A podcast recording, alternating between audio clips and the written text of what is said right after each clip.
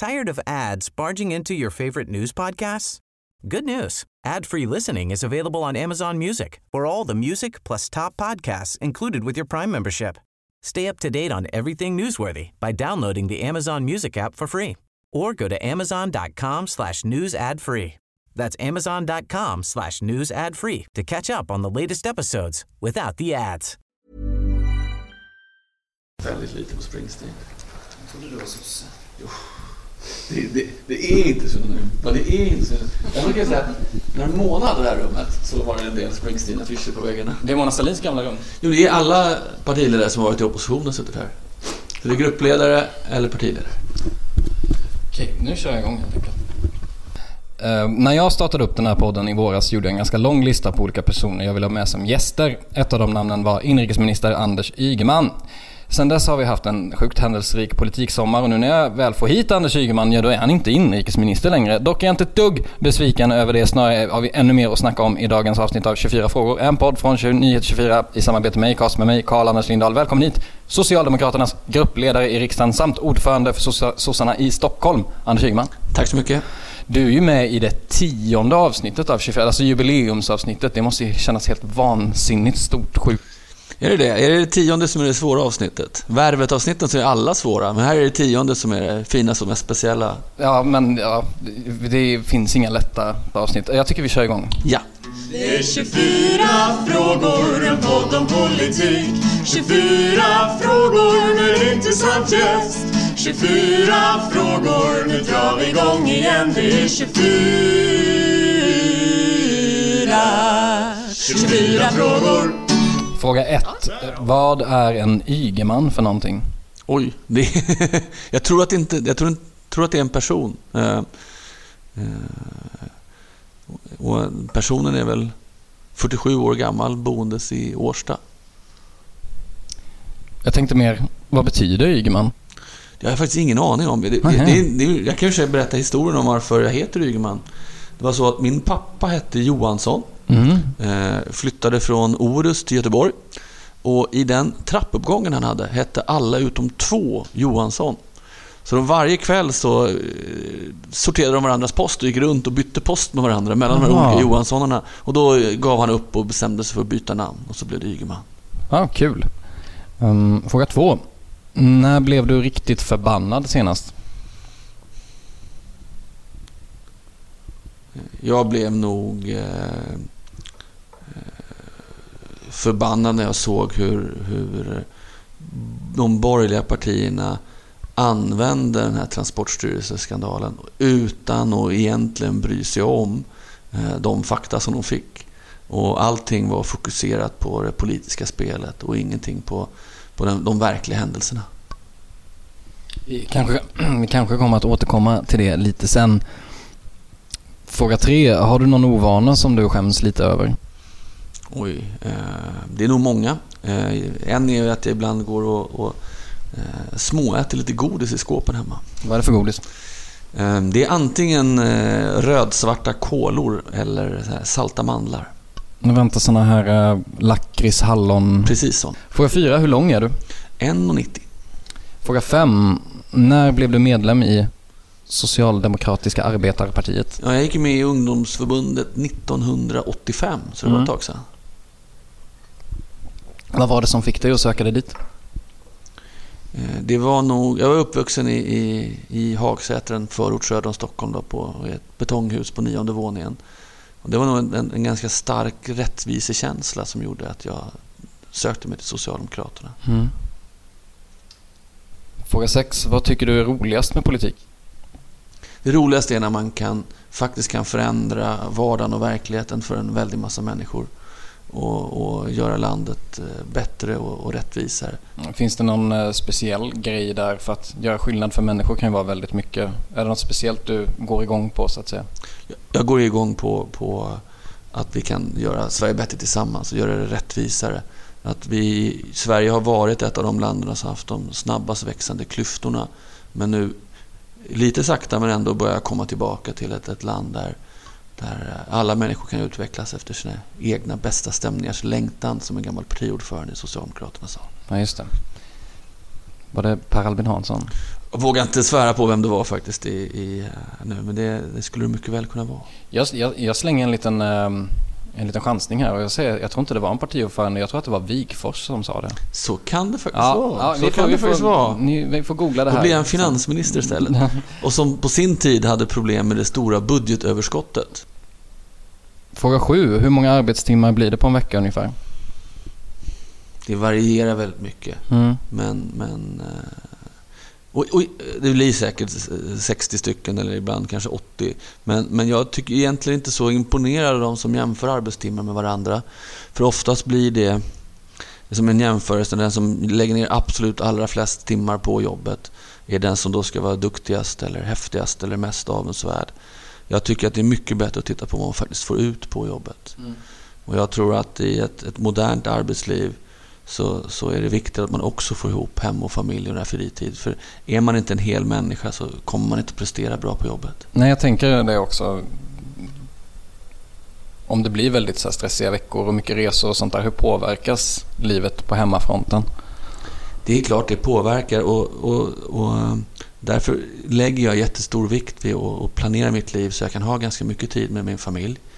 Men i den tidigare roll jag hade som inrikesminister så, så var det ju också beroende av hur omvärlden utvecklades.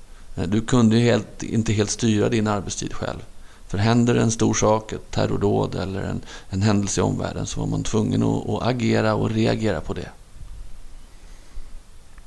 Fråga åtta, vem var din idol när du var liten? Ralf Edström. Fotbollsspelare Ja, för fotbollsspelare. Duktig på att nicka men även hyfsat på fötterna. Som, vad var det med honom som... För du är djurgårdare. Jag är Han- djurgårdare. Han spelade väl i Åtvidaberg? Degerfors, Åtvidaberg och... Var var det IFK? Nej, jag vet inte. Ja, men Åtvidaberg och Degerfors, absolut. Mm, Eh, nej, men han var väl den... När jag växte upp, den, liksom den stora fotbollsidolen. Det, man ska väl inte jämföra honom med Zlatan, för de är lite, var lite olika. Men han var väl nog den som var liksom mest poppis då. mm. Har du träffat Ralf någon gång? Ja, det har jag. Men, men eh, det var ett tag sedan jag stuckit fram autografblocket åt honom när jag var liten. Ja. Fråga nio. Är det en 1900... sån där Nacka-fråga annars? Va? Man borde svarat som en, Ja, en annan bara, berömd ja, politiker. spelat, vi har spelat fotboll tillsammans. Nej, det har jag inte gjort. Eh, Fast det är kanske inte för sent. Nej, det är det väl faktiskt inte. Nej, nej verkligen inte. Um, nitt, eh, fråga 9. 1996 så kan man säga att du halkade in i, i riksdagen. Eh, 26 år gammal, ersättare till Mona Sahlin. Um, det måste ju känts väldigt överväldigande. Ja, man ska nog säga att jag kom in i riksdagen i januari 95 då. Eh, Okej. Som ersättare för Maj-Britt Theorin eh, som blev EU-parlamentariker. Och, Okej. så, och den där Mona Sahlin-kopplingen är, är Expressen-konstruerad. Är det så? Ja, den är, är, de använder det för att, att då eh, komma åt Mona genom mig för, att, för en, en strulig bostadsaffär som de nu har kört en gång till. Men, och jag var ju formellt sett ersättare för Mona Sahlin, men bara i teknisk bemärkelse som jag hade varit inne i riksdagen ett år innan. Inte i någon praktisk bemärkelse. Här får jag sitta och skämmas. Här har jag gjort eh, research-haveri kan man säga. Ja, det tycker jag tar i. Vem visste det? När? Kan man ju fråga i dessa tider. Men tillbaka till 95 då, januari 95. Det Ja. måste ju känts, då var du ännu yngre, 25? 24 till och med. 24? Ja. Det måste ju känts väldigt överväldigande. Det gjorde det. Och det, var, det är ju också, du har ju precis kommit in helt själv. Det är ju väldigt mäktiga hus Mm. eh, och, och bär på en hel del historia. Högt i tak. Högt i tak. Men I alla fall i fysisk bemärkelse. jag tänker att det är så mycket man måste sätta sig in i och, och just mitt i en mandatperiod också. Du kanske inte var helt förberedd på det. Och... Nej, det, det, jag kommer ihåg första dagen jag kommer till, till jobbet. Då satt jag faktiskt i det här huset. Sen satt jag i några andra hus i riksdagen. Så låg det en jättestor lunta på mitt skrivbord. Det var Mm. 10 000 sidor text. Oj. Den var inslagen i så här gråbruna kartongsnören. Och så tänkte man första dagen på jobbet. Det här är mäktigt. Mm. Nu är man riksdagsledamot på riktigt. Och sen tittade jag lite närmare på det här. Då var det implementering av EUs direktiv för märkning av skodelar. Alltså 10 000 sidor om hur man ska märka vilken del av skon som är läder eller plast eller kork. Och det kanske inte var riktigt lika imponerande. Mm, Det måste nästan känts alltså, som en, en smäll i ansiktet. Ja, det är väl, ja, inte riktigt smäll i ansiktet, men man, man lärde sig ändå att man, in, man måste sålla i det som kommer och fokusera på det som är viktigast. Fråga 10. Vem i regeringen är roligast? Eh, Alice Bakunke. Varför? För att hon ibland kan vara helt spärrlös och säga väldigt roliga saker. Hon verkar inte tycka att du är så rolig. Nej, det kanske är så. Jag, du får fråga henne.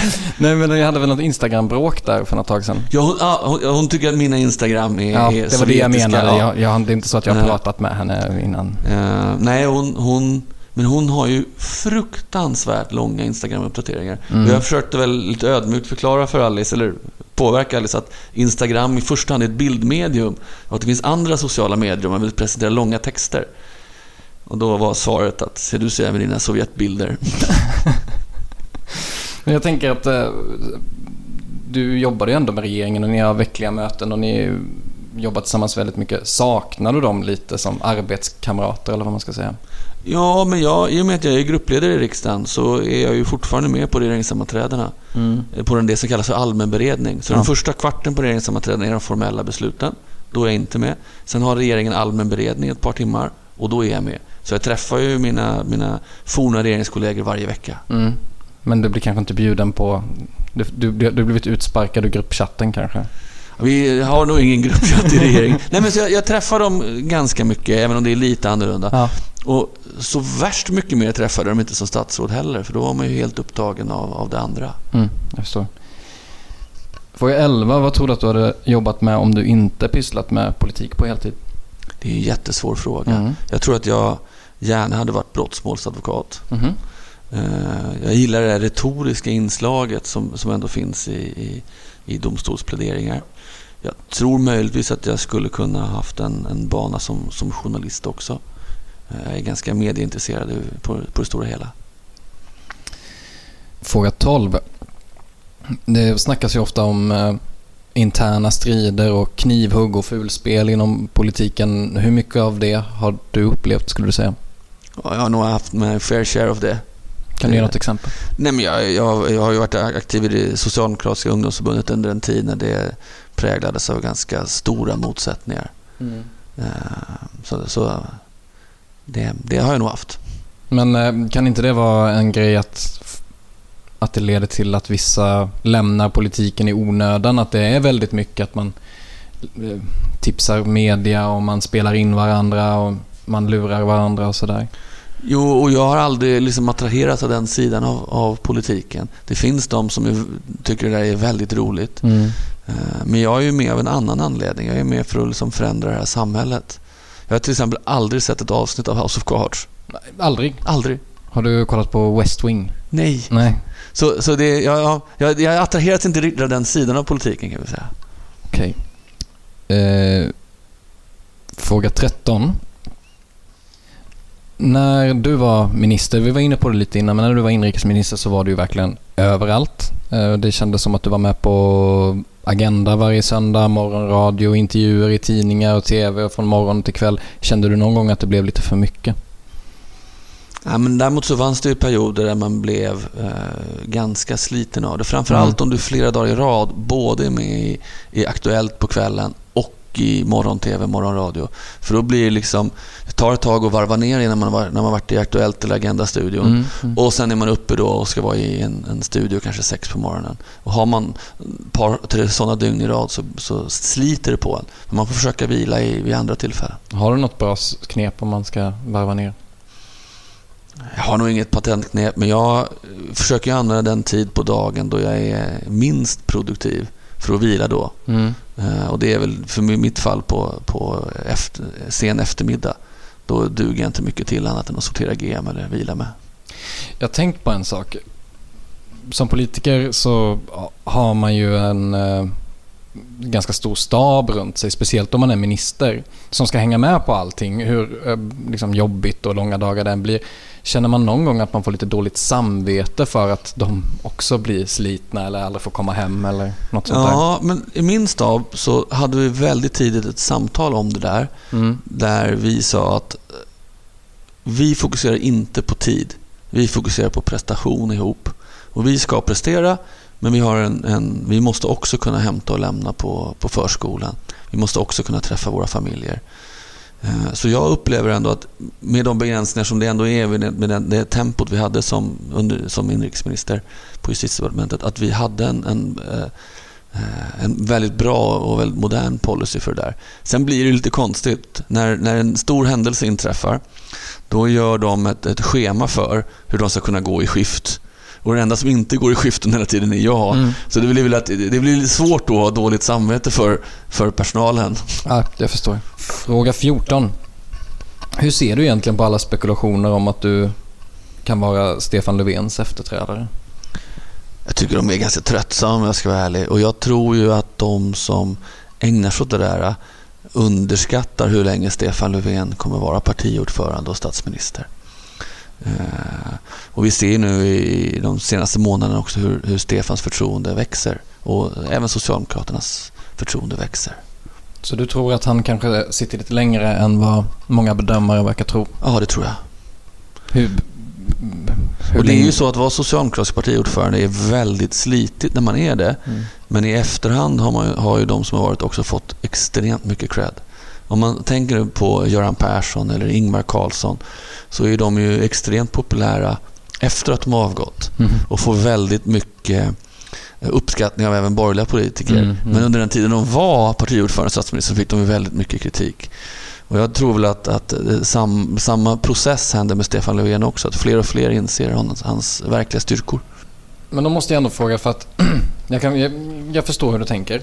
Men samtidigt, du har varit inom, inom politiken väldigt länge och säg till exempel att jag menar dagen efter du blev gruppledare så var det Svenskan av alla tidningar tror jag som hade en stor artikel med dig och det stod så här, landsfader in the making och under sommaren så publicerades en opinionsundersökning som visade att du var väldigt populär som liksom, framtida. As a person with a very deep voice, I'm hired all the time for advertising campaigns. But a deep voice doesn't sell B2B, and advertising on the wrong platform doesn't sell B2B either. That's why if you're a B2B marketer, you should use LinkedIn ads. LinkedIn has the targeting capabilities to help you reach the world's largest professional audience. That's right, over 70 million decision makers all in one place. All the big wigs, then medium wigs, also small wigs who are on the path to becoming big wigs. Okay, that's enough about wigs. LinkedIn ads allows you to focus on getting your B2B message to the right people. So, does that mean you should use ads on LinkedIn instead of hiring me, the man with the deepest voice in the world?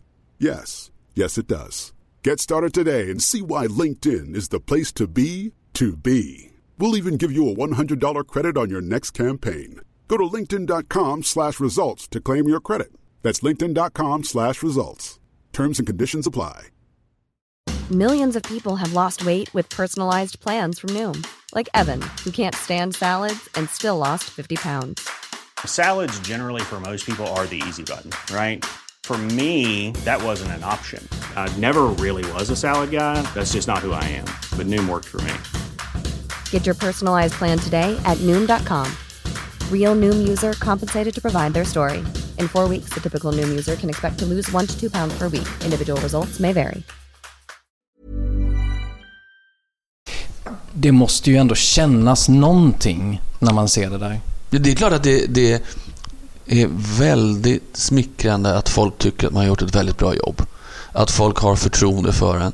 Och jag är otroligt tacksam för alla människor som kommer fram på gatan och hälsar och klappar om mig. Det är liksom mm. fortfarande flera stycken om dagen som gör det. Vad brukar de säga då? Åh, vi håller på dig. Åh, vad synd att du får gå. Och, mm. och tyvärr då även några som säger du, du kommer bli vår nästa statsminister. Ja. Men, men eh, Nej, och det känns jättekul. Och när, även när jag gick och även om jag har varit med och tagit en del, en del tuffa polisbeslut mm. så fick jag också väldigt mycket beröm av poliser och, och brandmän och kvinnor eh, runt om i Sverige. Och det värmer ju naturligtvis jättemycket. Mm. Fråga 15. Vilken är, vilken är, skulle du säga, den mest radikala fråga du har tagit ställning för? Oj, mm. det finns så många olika axlar att vara, vara radikal på. Ja, men vad är det, det första du tänker på när du hör det? Jag vet inte. Jag är ju republikan. Det kanske uppfattas som radikalt. Även om det är rätt många, både liberaler och socialdemokrater, som, som är republikaner. Jag eh, tror att att jämlikheten som sådan är en, en drivkraft både för ett bra samhälle men också för ett, ett samhälle där, där, eh, där, där alla tjänar på jämlikhet. Där även de som har, har höga inkomster kommer betydligt bättre ut än, än ett samhälle med stora klyftor och skillnader. En eh, radikalt jämn fördelningspolitik kan man skulle kunna Ja, och, och i, ett, i, ett, i ett globalt perspektiv är det väldigt radikalt. Eh, dock så, så blir ju i den internationella debatten fler och fler övertygade om jämlikheten som drivkraft. OECD har ju, och Världsbanken har genomgått någon slags metamorfos. Från att ha hävdat att vi ska ha mer klyftor och, och skattelättnader för de rika till att hävda att, att, att eh, den, den, den, starka driven för utveckling nu är jämlikhet. Hur ser du på ehm, experter som säger att du är en så kallad vänstersosse? Ja, då frågar man ju sig vad de är experter på. Nej men på riktigt, det är väl ja, en... Nej, men, jag, men ja, jag tror att Socialdemokraterna är ju ett, ett mitten-vänsterparti. Eh, så är det ju. Och, och då är det väl naturligt att man, man placeras till vänster. Eh, om man placerades till höger skulle man väl sannolikt vara med i något annat parti istället. Eh, och det, jag vänder mig egentligen mot skalan för att jag har haft, varit ansvarig för alla frågor som rör ordning, säkerhet och krisberedskap. Eh, och jag upplever ju att jag har, har drivit en, en, progressiv politik. Men traditionellt sett så har inte det varit frågor som har stämplats ut som, som vänster eller att det skulle vara speciellt liksom radikalt.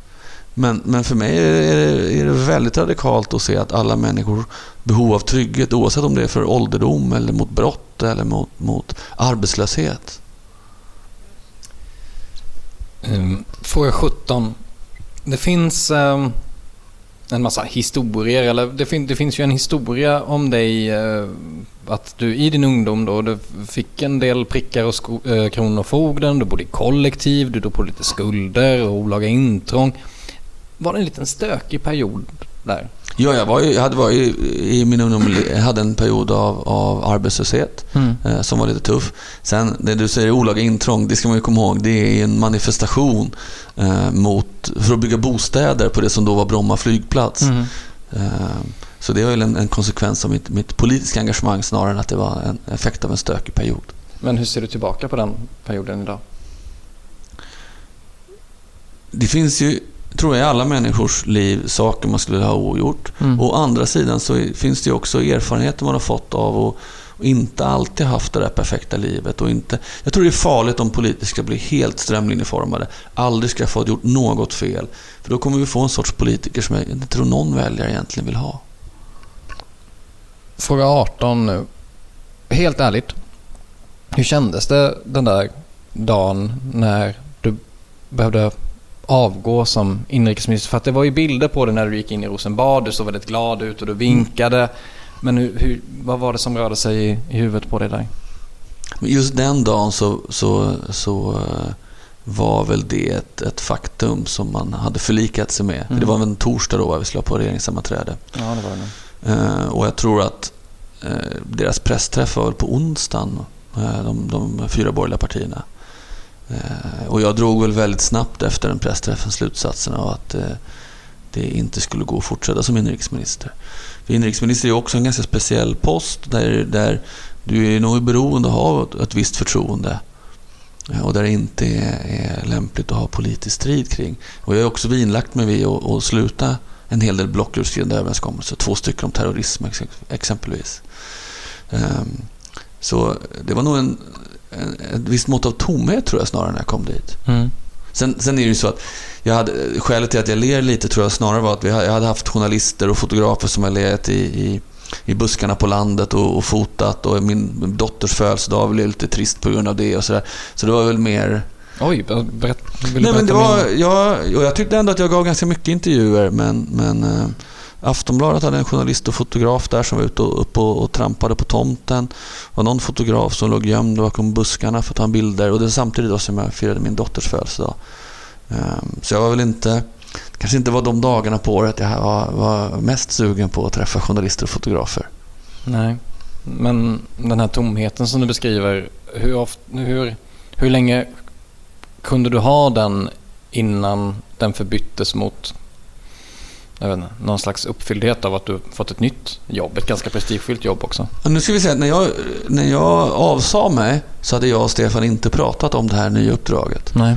Ehm, utan det, jag tror att han, vi pratade om det på kvällen senare på samma dag. Mm.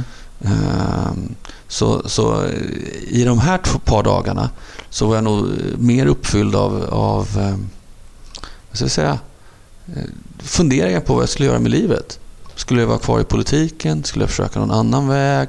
Ehm, För det, ju också naturligtvis det blir ju automatiskt ett tillfälle att fundera över sina livsval.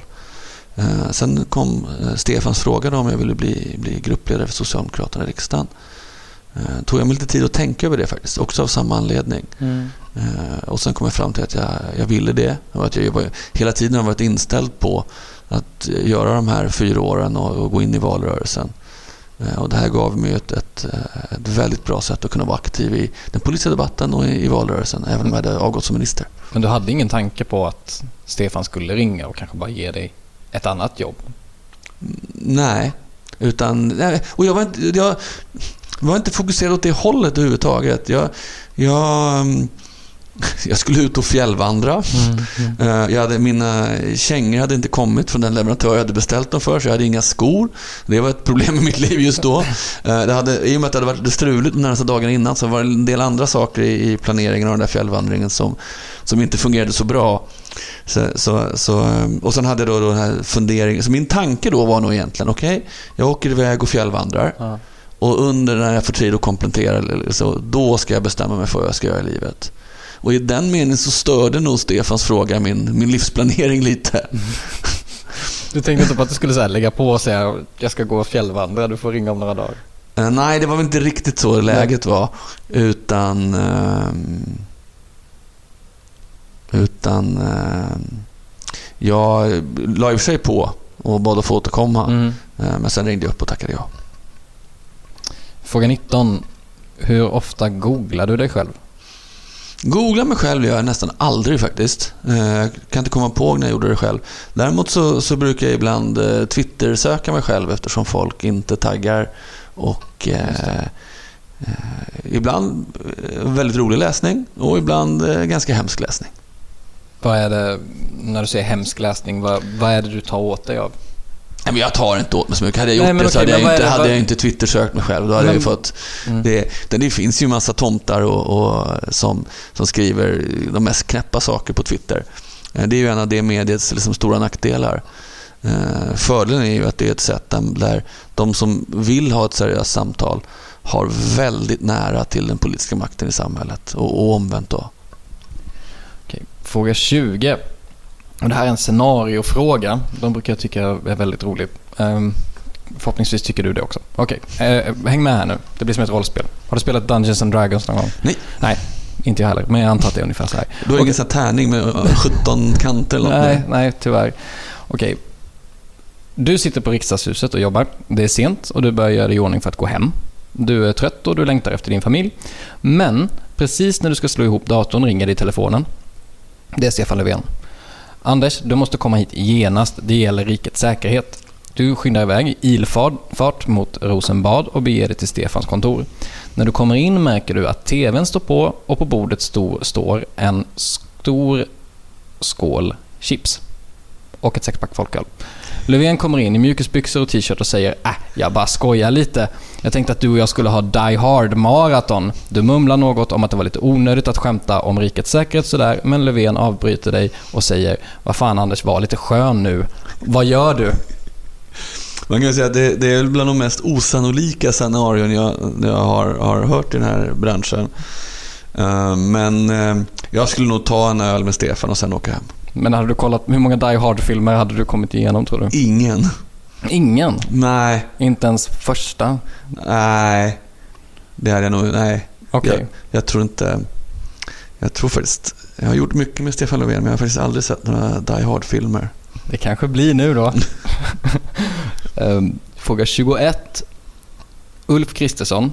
I skrivande stund så att säga så ser det ut som att Ulf Kristersson kommer att bli partiledare för Moderaterna. Vad tänker du om det? Jag tänker att han är en, en sympatisk person. Men han är också en person som har ganska långa utvecklingar av, av svar och där det ju ibland är svårt att riktigt eh, förstå vad, vad det är han, han vill kommunicera. Eh, och jag, jag, det är ju Moderaterna som ska välja sin partiledare. Såklart. Men som det har presenterats utåt så verkar det ju som att den enda skillnaden med, med Ulf Kristersson som partiledare är att, de byter pla- att, att, att han går från att vara ekonomisk-politisk talesperson till partiledare. Men alla andra i partiledningen sitter kvar och Anna Kinberg Batra eh, är ut. Och jag tror möjligen att, att Moderaterna gör ett misstag där och att de är eh, lite orättvisa mot Anna Kinberg Batra. För jag tror inte att Moderaternas problem bara bottnade i Anna Kinberg Batra. Eh, utan jag tror att de har ett antal olösta frågor som de måste svara på. Hur ser de på eh, Sverigedemokraterna så sent som idag har avslöjats med, med kopplingar till nynazister? Hur ser de på möjligheten att, att skapa ett hållbart regeringsunderlag? Hur kan Moderaterna få störst genomslag för sina politiska prioriteringar? Och löser de inte det där, då spelar det inte så stor roll vem som är partiledare för Moderaterna. För han eller hon kommer få exakt samma frågor. Tror du att eh, det kommer uppstå en situation efter nästa val där Sverigedemokraterna faktiskt får ett inflytande i en regering? Jag tror inte eh, det. För jag tror att den anständiga delen av svensk politik och, svenska politiska partier är så mycket större än Sverigedemokraterna. Och Sverigedemokraterna har gjort så väldigt lite för att vara ett parti som man kan ta på allvar. Men jag tror det var så sent som igår som vi läste om att en, en sverigedemokratisk riksdagsledamot hade åkt på bjudresa eh, betald av en av, av Putins kompisar som står på USAs svarta lista. Eh, och, var, eh, och, och för att berömma det ryska valet och säga att han, han ville ta med sig ryska rösträkningsmaskiner hem till Sverige. Och att en riksdagsledamot för ett riksdagsparti säger det efter vi har sett den ryska påverkan i det amerikanska valet, eller det franska valet. Det framstår ju som djupt oseriöst. Fråga 22 och då är det bunken. Vet du vad bunken är för någonting? Nej. Nej okay. Det är egentligen inga konstigheter alls. Det är en, en liten bunke här. Öppnar vi den. Och det ser ut som en, man kanske inte ska säga företagsnamn, men det är en plastbunke med ett blått lock på. Precis, det finns eh, många olika märken. Det är, det är inte Sveriges Radio här. Nej, du, får, okej. du får säga Tupperware. Ja, Men, jag vet men det inte är faktiskt- inte Tupperware, Nej, alltså? jag tror inte det är det. Det är något annat. Ja. Jag vet inte riktigt. Ser lite, lite billigare ut än Tupperware. Tupperware är fint. ring, ring så, och sponsra eh, Tupperware. Eh, men ehm, så här, det här är lite så wildcard-fråga. Ja. Du tar en fråga, du vecklar upp eh, lappen och så läser du högt och så svarar du helt enkelt. Det kan bli lite vad som helst. Då öppnar vi en väldigt liten papperslapp och den är eh, dataprintad ska vi säga för de som inte ser lappen.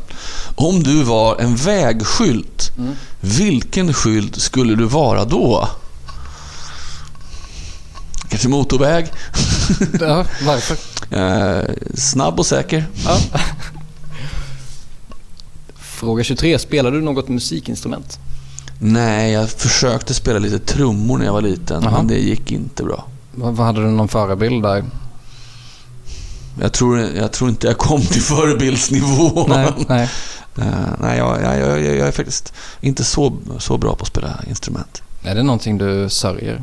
Ja, det är klart det. Det skulle vara kul att spela instrument. Min son är jättemusikalisk däremot. Jaha, så han spelar han? spelar saxofon, men också lite keyboard. Fråga 24. Idag är det den 21 september.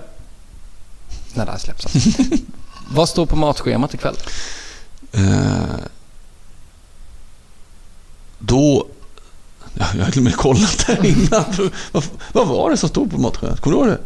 Var det laxpasta? Så var det. Laxpasta står på matsedeln idag. Vad... Okej, vad... Ge, ge oss receptet snabbt. Ja, då pratar vi om eh, lite fräst lök, eh, lite citron, eh, eh, rökt lax, alltså kallrökt lax, Okej. eh, lite eh, matlagningsgrädde och lite ärtor. Okej. Jag brukar ha en liknande grej, men jag ehm, gör det med grädde, lite spenat och en liten sked eh, dijonsen. Mm, det tror jag kan vara gott. Ja, det är fantastiskt.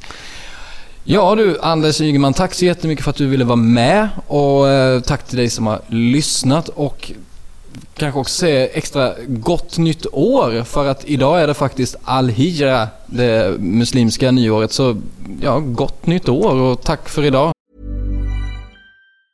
Tired of ads barging into your favorite news podcasts? Good news. Ad-free listening is available on Amazon Music for all the music plus top podcasts included with your Prime membership. Stay up to date on everything newsworthy by downloading the Amazon Music app for free or go to amazon.com slash news ad free. That's amazon.com slash news ad free to catch up on the latest episodes without the ads. Och så säger vi eh, hej då. Hej då!